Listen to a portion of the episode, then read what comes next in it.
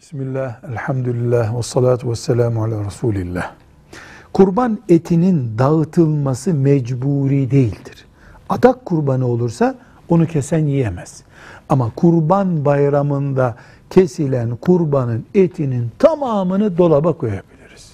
O gün tamamından haşlama yapıp hepsini yiyebiliriz. Tamamını da bir fakire verebiliriz.